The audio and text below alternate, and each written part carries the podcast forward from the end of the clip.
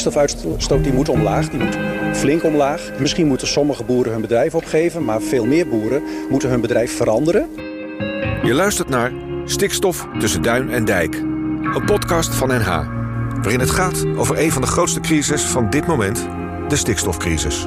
Ik ben voor mijzelf tot de conclusie gekomen dat er sprake was en is van een stevige vertrouwenscrisis. Ik ben Stefan Roest en in de komende vier afleveringen probeer ik te ontdekken wat stikstof is. Wat doet het met onze omgeving, onze natuur? En wat moeten we ermee? Het probleem wordt alleen maar erger, dus je moet gewoon nu wat doen. Het wordt geen zwart-wit antwoord op de vraag wie er schuld heeft en wie het moet oplossen en hoe. We gaan de natuur in, van de duinen naar de weilanden. Ik neem je mee op een zoektocht. Ik praat met een boswachter, een boer, een vlinderaar, een actievoerder, een gedeputeerde. Die allemaal op hun eigen manier dagelijks te maken hebben met stikstof. Er zit een enorme urgentie op, want de insecten gaan enorm achteruit. En uh, ik denk dat ze een enorm herstelvermogen hebben. Dus als we de goede dingen doen, dat ze ook heel goed kunnen, kunnen herstellen. Uh, maar dit is wel uh, ja, heel fundamenteel, denk ik. Dat we, dat we ons verdiepen in hoe het met insecten in Nederland gaat. Ik bespreek met hun hoe de Noord-Hollandse natuur eraan toe is. Wat de schadelijke effecten van die stikstof zijn. Waar we de oplossing zouden kunnen vinden. En ik probeer te ontdekken waar toch de zilveren maan is gebleven. Aflevering 4. Hoe nu verder?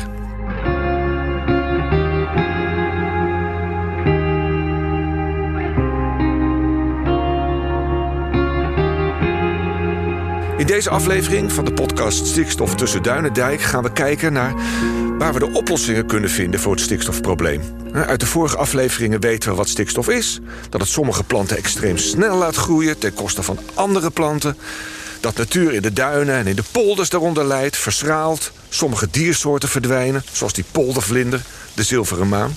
Maar hoe nu verder? Daar ga ik in deze aflevering van de podcast naar kijken. Een agrariër vertelt hoe hij en zijn koeien nu minder stikstof uitstoten dan voorheen. Urgenda komt met ideeën. Dan het provinciebestuur, de gedeputeerde, neemt ons mee de duinen in.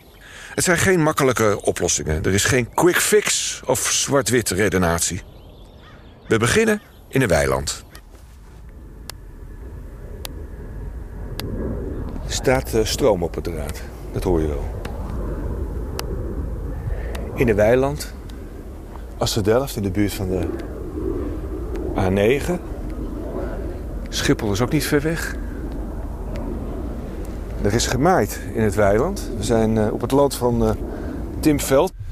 En het is, het is gemaaid. Gisteren, eergisteren? Gisteren, gistermiddag. Ik zie nog bloemetjes. Dat is wilde sigorij. En met, met uh, Hanneke van Ormond van, van Urgenda staan we hier. Maar jij bent niet zo enorme plantenkenner, heb je net gezegd, hè? Dat je... Ik ben wel bioloog. Maar de verschillende plantjes uh, heb ik nooit echt... Ik ben meer de dierenwereld ingegaan. Afgestudeerd op diergedrag. Diergedrag? Zoogdieren, toevallig? Apen, olifanten. Afgestudeerd op apen en olifanten zag Hanneke dat ze de natuur meer kon helpen, meer kon redden... door zich bezig te houden met wat de natuur wereldwijd verstoort. En die verstoring die gebeurt vooral in het westen, hier, bij ons door ons. De energietransitie werd eigenlijk haar, missie. We moeten van de fossiele brandstoffen af die de klimaatverandering veroorzaken. Maar ook stikstof kwam op die manier op haar weg. En om dat probleem op te lossen moet je met de veroorzakers samenwerken. Dat zijn onder andere, zeker niet alleen agrariërs. En zo zoek, uh, zoekt Anneke van uh, Urgenda vooral de samenwerking met agrariërs. Zoals Tim Veld. De anti-landbouw is natuurlijk onzin, want we, we, kunnen niet zonder eten, dus we kunnen niet zonder boeren. Alleen, we, proberen ons wel in te zetten voor een duurzamere landbouw. En dat kan je op allerlei manieren doen. Maar met deze campagne is het gewoon de boer helpen met korting, zodat, hij eigenlijk, ja, zodat het makkelijker wordt voor de boer om, om iets duurzamers te doen. Deze campagne helpen met korting? Ja. Uh, wat we doen met de campagne 1001 hectare kruidenrijk is dat boeren via de website met korting uh, kruidenrijk saai mengsel kunnen bestellen. En dat is best wel duur. Uh, maar doordat het een crowdfunding is, kunnen provincies, burgers, het Rijk, iedereen kan meebetalen aan die crowdfunding. Waardoor de boer 150 euro. Zeg je nou crowdfunding of crowdfunding? Wat, wat jij allebei, allebei leuk. ja. Uh, ja, dus iedereen kan meebetalen. En dan krijgt de boer 150 euro per hectare korting. Kan hij tot maximaal 3 hectare bestellen. Zodat zoveel mogelijk boeren kunnen meedoen. Want ons was verteld door boeren van nou, ze willen het, je kan ze honderd keer vertellen, maar ze willen het eerste keertje zelf ervaren. Dus dat zelf ervaren maken we nu heel laagdrempelig. Dus ze krijgen gratis advies. En echt een flinke korting, waardoor dat kruidenrijk grasmengsel eigenlijk dezelfde prijs krijgt als een normaal uh, monocultuur grasmengsel. Tim Veld probeert het dus. En het levert meteen in het eerste jaar al veel meer verschillende planten op. Veel meer gras op, veel meer kruiden op. En dat is ja, heel mooi voor het bodemleven, insecten. Daarmee ook voor de vogels en zo. Maar veehouder Tim verdient er geld mee. Uh, het is eigenlijk de eerste keer dit jaar dat het gemaaid is. Nou, dat voor half september is best laat. Uh, de koeien hebben er eigenlijk het hele jaar bij gehouden. Ah. We hebben het eigenlijk één keer alleen in het voorjaar bemest. Het heb geen kunstmest gehad. Is, is dit de mest? dit is van de koeien die er gelopen hebben. Ja, hè? Dus het ja, wijst naar uh, de laatste een, keer. Een vlek uh, koeienstront. Ja, ja, mooi hè. Dus, uh, ja, daar kan je al van genieten. Ja, ik kan ervan genieten. En dat zeg ik, ik wil nog wel even toevoegen op net. De reden dat wij dit ook gezaaid hebben is een gedeelte ook waterhuishouding in het land omdat het dieper wortelt, zeg maar, blijft het ook veel langer bij het vocht. En doordat het langer bij het vocht ken, blijft het ook langer groen. En, dat en dan hoef jij je sproeier hier niet op te zetten. Hey, precies, want dat kost ook weer gasolie. Dus, uh, en dat zeg ik, het, ja, het is ook een, voor mij ook een, een probeersel om te kijken hoe het gaat. Vinden je, vinden je koeien het lekker? Heb je het idee dat ze het ook wel fijn vinden om hier te eten? Of... Nou, van het voorjaar vonden ze het fantastisch. En dan gaven ze echt duidelijk meer melk. En naarmate de zomer was het het enige stuk nog wat groeide. Maar de, de smakelijkheid raakte eraf. En nou de laatste keer wouden ze het echt niet meer eten. En dat is eigenlijk de reden dat ik het eraf gemaaid heb. Nou staan ze, staan ze daar? Zijn dat je koeien die daar aan de andere kant... ze aan de andere kant van de weg, ja.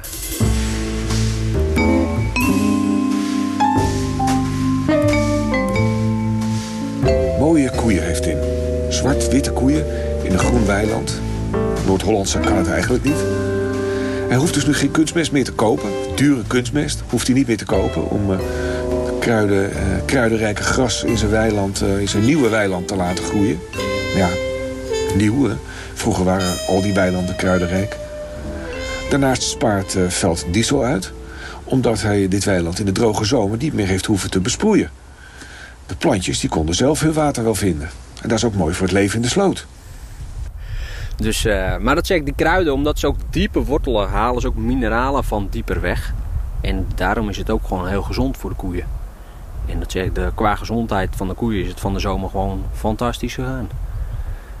Hoe, loop je met de thermometer rond en uh, of hoe weet je dat het goed gaat met je, met je koeien, dat ze gezond zijn? Nou, een thermometer heb ik niet in mijn zak. Ik zou niet weten waar die ligt. Dus die gebruik ik eigenlijk niet.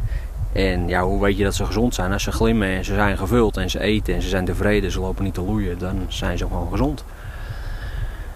Als ze makkelijk drachtig worden en alles gaat gewoon, dan, dan gaat het goed, dan zijn ze gezond. Het is een experiment, maar ik hoor eigenlijk al dat uh, deze is al om, die boer. Uh, pardon, agrariër, hè? Ja. ja. Deze agrariër. Ja, nou, de, de, meeste zijn om. We hebben net weer enquête uitgedaan. Naar, er hebben inmiddels 900 boeren meegedaan. We hebben enquête uitgedaan, hebben 100 boeren beantwoord. En daarvan zegt 77% ja, top, ik, ik blijf dit doen, ik, uh, ik ben om. Maar dan gaat het hele systeem uh, op de helling. Ja, mooi hè? ja, ik suggereerde even alsof dat een slechte zaak zou zijn. Maar, ja. maar, maar Tim, ik, ik zie er staat geen biologische geitenwolle sok naast me. Nee. Uh, ben gewoon een, een, een, een reguliere veehouder. Ja. Uh, je levert aan de coöperatie. Je bent geen biologisch... Uh... Nee. nee, we zijn niet biologisch. We zitten er wel, hebben er wel eens over nagedacht. Maar uiteindelijk zijn we gewoon, zeker financieel, blij dat ik het niet gedaan heb omdat je nu gewoon, als het moet, kun je nog even bijsturen. Maar voor de rest, ja, we proberen wel gewoon zoveel mogelijk biologisch te werken. Uh, zeg maar, met alles. Waarom? Waarom? Om de kostprijs laag te houden. Dan kunnen we nog enigszins boer zijn. Ik dacht, ik dacht, als ik vraag aan jou waarom je biologisch wil zijn... dan kom je met een ideologisch verhaal van... ja, even vogeltjes, bloemetjes, bijtjes. Het gaat gewoon Om geld. Uiteindelijk gaat het natuurlijk wel dat je geld verdient, want anders dan gaat het hele spelletje hier niet op. Geld verdienen dus, met duurzame landbouw. Dat is goed voor de boer, goed voor het land, goed voor de koeien, goed voor de wereld. Nou, dat is mooi. Maar de landbouw is maar voor een deel de oorzaak van stikstofdepositie. Zeker in Noord-Holland. Jij en ik autorijden er ook heel wat stikstof bij. Schiphol is een nog grotere veroorzaker. Maar de allergrootste stikstofvervuiler van Noord-Holland is Tata. De voormalige hoogovens in Velzen. Maar daar heeft Hanneke van Oormond van Urgenda ook een oplossing voor. Volgens mij uh, de grootste, een van de grootste uitstoters van Nederland. En uh, nou ja, volgens mij uh, moeten die ook met 50% terugdringen. In ieder geval de industrie zal ook 50% uitstoot moeten verminderen. Dus ik hoop dat die plannen tegelijk komen met, uh, met stikstofplannen. Want ja, het is natuurlijk iets wat we met de hele maatschappij moeten doen. Als, als, als burgers, als industrie, als verkeer. Als, uh, als consument. Als consument en, en als landbouw. Ja. Dat is ook iets wat heel veel boeren steekt. Chorus, Stoot meer stikstof uit dan alle Noord-Hollandse boeren bij elkaar. Ze zitten in een Natura 2000 gebied en ze mogen gewoon doorgaan. En dat is wel wat heel veel boeren steekt natuurlijk. Mij ook. En ontzettend veel vervuiling en geen milieuvergunning en ontzettend veel CO2-uitstoot, ontzettend veel stikstofuitstoot. Dus als je die zou sluiten, dan heb je eigenlijk een groot gedeelte van de stikstof en de klimaatdoelen van Nederland uh, haal je dan eigenlijk. En ik denk dat de omwoners een stuk blijer worden als er een stuk minder kankerverwekkende stoffen in hun omgeving komen. En ik denk dat al die mensen direct aan de slag kunnen in de energietransitie. Ik wou al meteen zeggen, je zal er maar werken. Ja. Er is, een, er is echt een baan, een, een, personeelstekort in de energietransitie. En dit zijn mensen die waarschijnlijk technisch onderlegd zijn. Die zo aan de slag kunnen met, met, met huizen verduurzamen, zonnepanelen neerleggen. Ja, denk je dat? Want ik weet hoeveel mensen er werken. 20.000 of zo? Ik weet niet. Ja, nou, is, zo groot is het tekort in de energietransitie wel. Personeel van Tata moet dus zonnepanelen en warmtepompen gaan installeren, huizen gaan isoleren, spaarlampen uitdelen. Want ja, alle energie die je niet gebruikt, die hoef je ook niet op te wekken. Het zal nog wel even duren, maar ook Tata moet eraan geloven. Ondertussen staat het land op zijn kop. Boeren gaan met de hakken in het zand, bouwers die moeten hun werk stilleggen. En ook natuurbeheerders trouwens raken van de leg. Voor deze podcast wilde ik graag iemand spreken van Landschap Noord-Holland. Hoe ziet deze beheerder van weilanden en duinen de toekomst? Maar de beleidsmedewerker met wie ik contact zoek, iemand die al vele jaren het uh, beheer mede vormgeeft en bepaalt, die appt naar mijn verzoek. Hallo Stefan, inhoudelijk weet ik er te weinig van.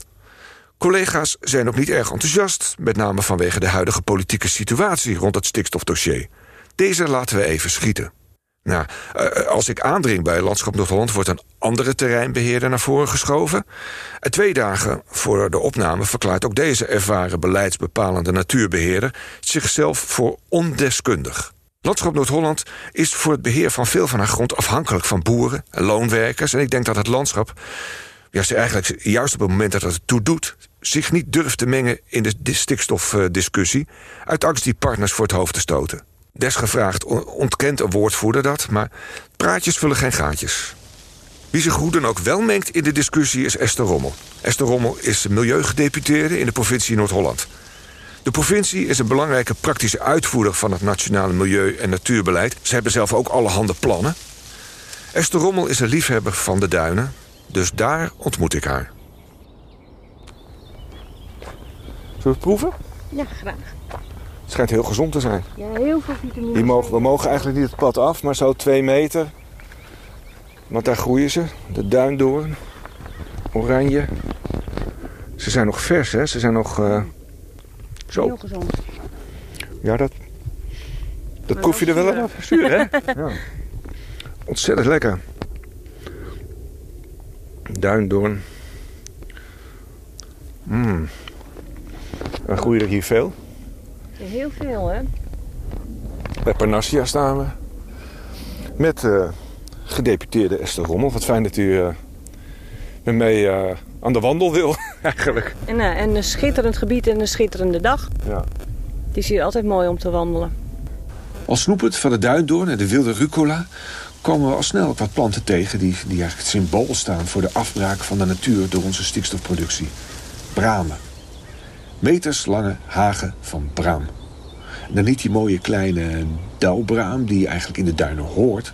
maar die hoge, klimmende braam die je ook ziet op vuilnisbelten en puinbergen. Ja, die overwoekeren alles en die, ja, die gaan goed op stikstof. Nee, je ziet het, hè? Ja. En, eh, ja, en daardoor kunnen de planten die je hier echt wilt hebben, die kunnen ook niet meer groeien.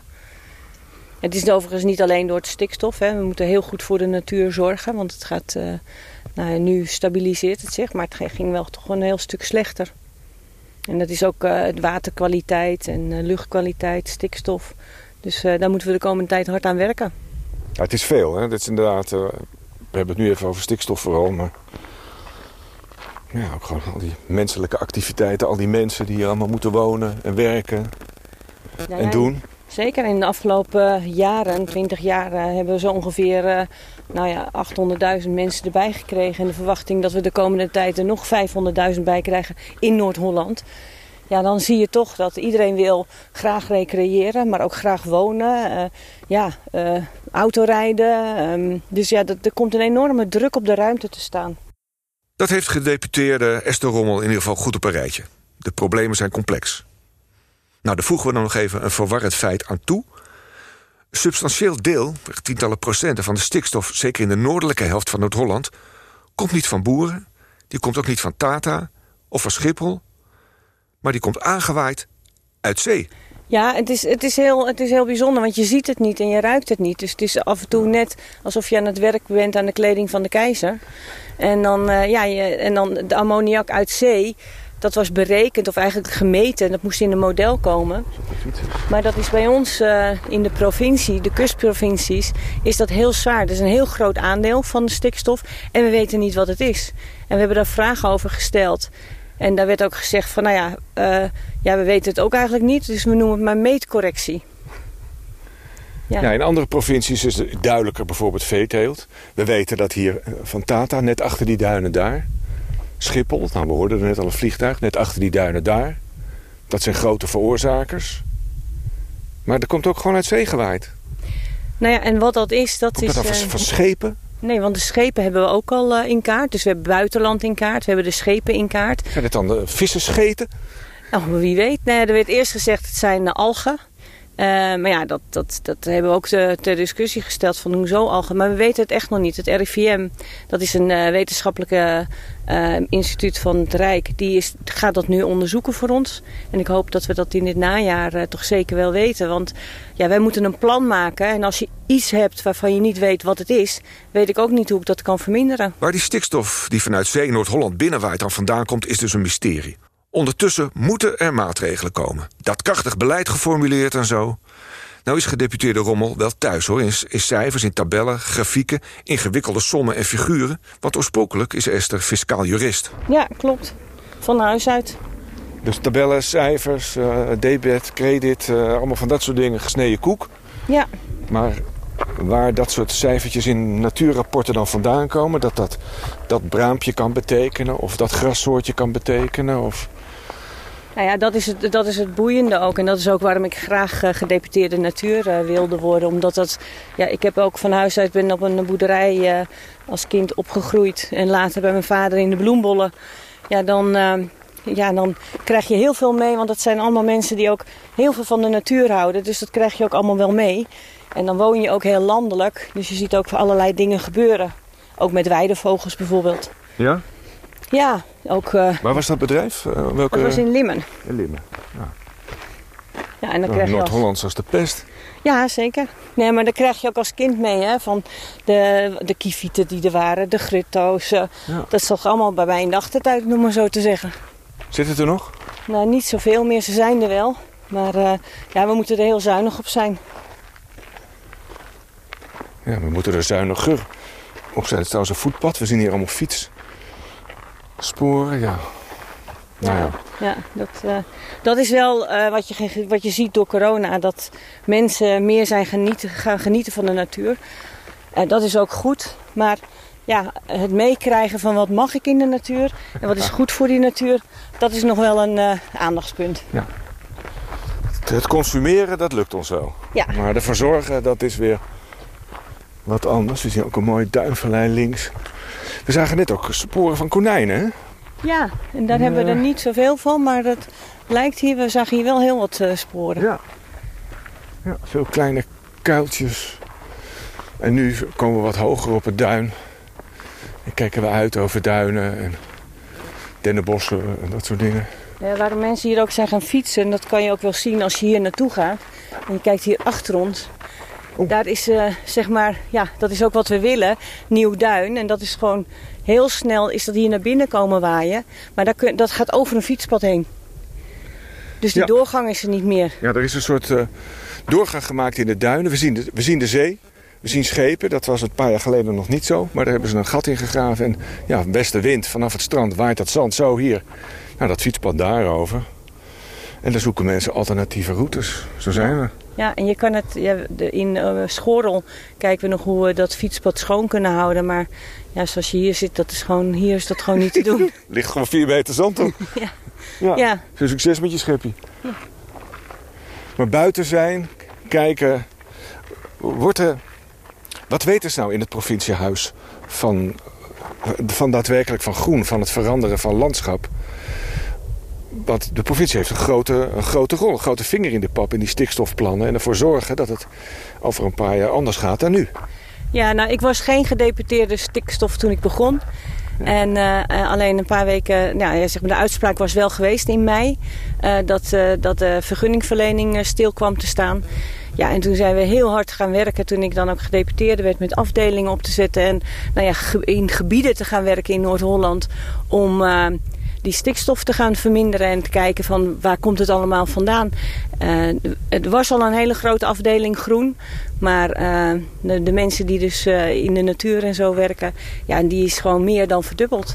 Het economisch belang is natuurlijk daar nu ook wat meer mee gemoeid, want er ligt heel veel stil. Er kan heel veel niet vanwege die uitspraken bij de rechter en stikstofboekhouding beter op orde en beheersing beter op orde gebracht moet worden. Nou ja, dat is ook wat ik altijd zeg. Zonder blauw en groen is er niets meer te doen. Ja. En nu? Het klinkt heel simpel, maar het is heel ingewikkeld. Zeker als bijvoorbeeld, is dat 30% of zo van de stikstof in Noord-Holland die uit zee komt waaien? Ik weet niet hoeveel het is, maar, eh, maar dat is- veel. In het, in het noorden, tussen Callanzoog en Den Helder, is dat inderdaad eh, bijna eh, gewoon een derde van wat daar aan uitstoot komt. Dus heel veel. En, en daar kan ik niks aan doen. Ik weet niet wat het is. Maar wat we wel aan het doen zijn, is in al die gebieden. Kijk, de staten die hebben vorig jaar al vastgesteld hoeveel wij die stikstof gaan verminderen en, en wanneer. Dat, dus dat is het uitgangspunt. En daar gaan we in alle gebieden mee aan de slag. Maar dat telt voor iedereen, voor alle sectoren. Maar ook eh, voor onszelf als consument. Als wij bijvoorbeeld van het gas afgaan, eh, nou wij niet, maar het huis, van het gas afhalen en verduurzamen, dan, eh, dan heb je daarmee stikstofwinst. Ik heb net een, een kookplaat gekocht. Hallo, kom langs hoor. Net een kookplaat gekocht om dus niet meer op gas te koken, maar met elektriciteit via de zonnepanelen die ik op het dak heb. Dat. Ja, dat. Dat zijn van die, dat zijn, dat lijken kleine dingen, maar als we het met z'n allen doen en met z'n allen aan die lat gaan staan, ja, dan komen we ergens. En dat betekent ook, nou ja, elektrisch gaan rijden of misschien als je je cv-ketel gaat vervangen voor een nieuwere. Of, nou ja, dus eh, dat, dat zijn kleine dingen, maar dat, dat helpt gewoon mee. Nou, dat wil ik best doen. Ik, sterker nog, ik, ik voel me daar verantwoordelijk voor. Ik doe het. Maar ik wil ook dat, dat Schiphol en Tata worden aangepakt. Want ik, ik heb het gevoel, en velen met mij, dat ja, ik word op mijn verantwoordelijkheid gewezen en ik ga investeren. En die grote jongens die, die, die kopen er nog zomaar tien jaar uitstel bij. Nee, dat, kijk, dat is, eh, met de industrie zijn we ook aan de gang. We hebben 24 gebieden waar we werken en één tak is dan de totale industrie. Bij Tata hebben we net eh, de, de vergunning hebben we verkleind. We hebben ruimte in beslag genomen, zeg maar, teruggetrokken. En we hebben afspraken gemaakt, of in ieder geval in de vergunning gezet, wat Tata moet doen de komende jaren. Zoals van de cv-ketels af, zoals elektrisch eh, rijden. Maar ook, ze hebben ook ruimte nodig om te verduurzamen. Dus je kan aan de ene kant, dus een beetje de afweging, hè. Als je gaat verbouwen, dan heb je stikstofruimte nodig. Dus Tata die heeft ook nog een stukje ruimte nodig om naar die groene eh, energie toe te gaan. En, maar we zijn met zin overleg met alle piekbelasters in de provincie. En eh, gaan we hebben we afspraken over wat, eh, wat zij kunnen bijdragen.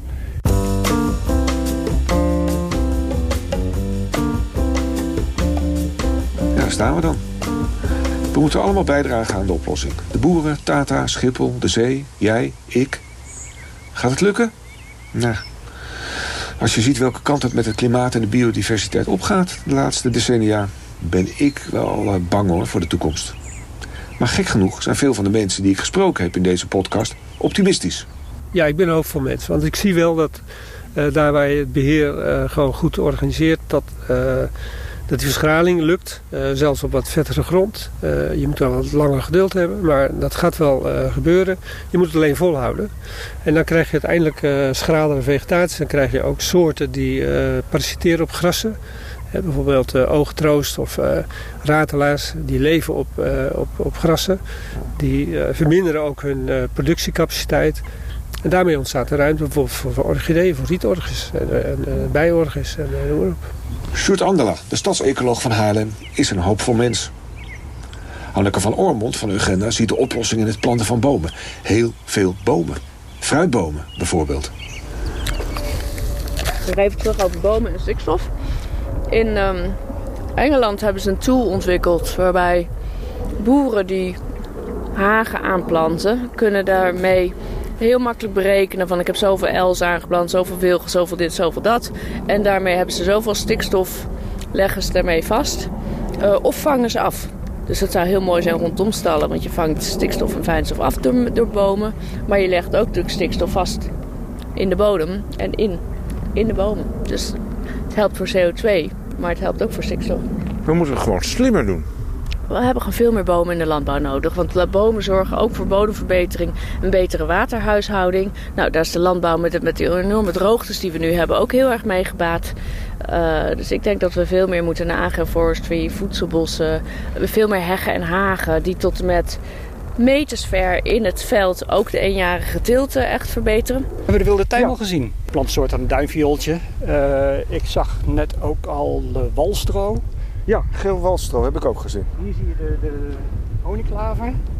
Gele bloemetjes van de klaver. Ook heel laag en klein. De belangrijkste filosofie is dan ook... geef de natuur een kans. Stimuleer de natuurlijke processen die er van nature plaatsvinden in zo'n duingebied.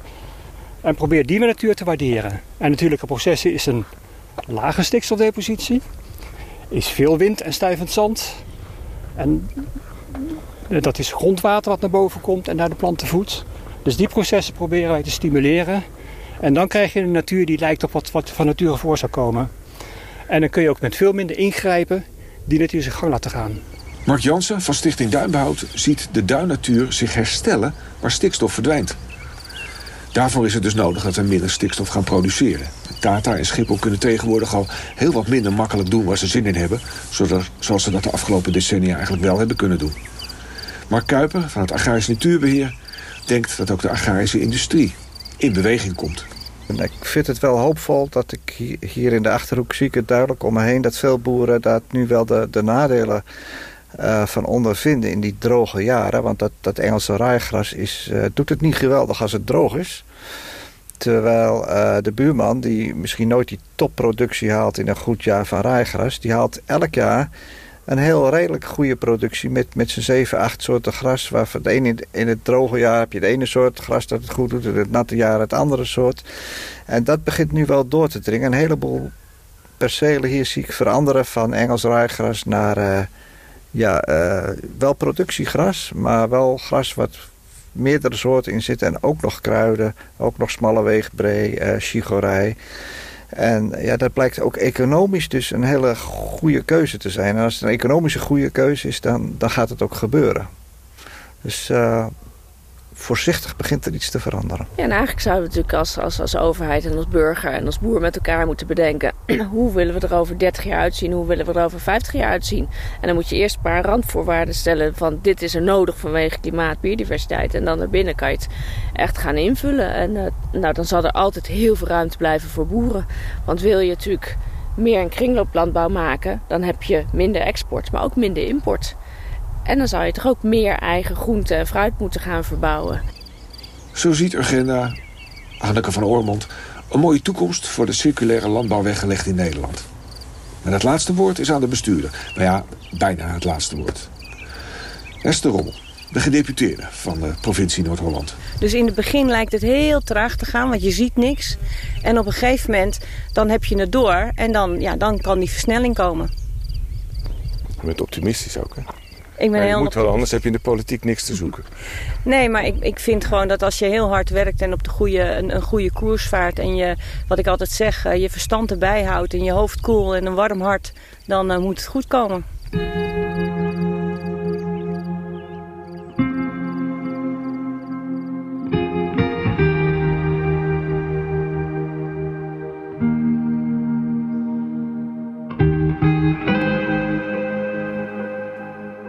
Dan moet het goed komen, zegt ze.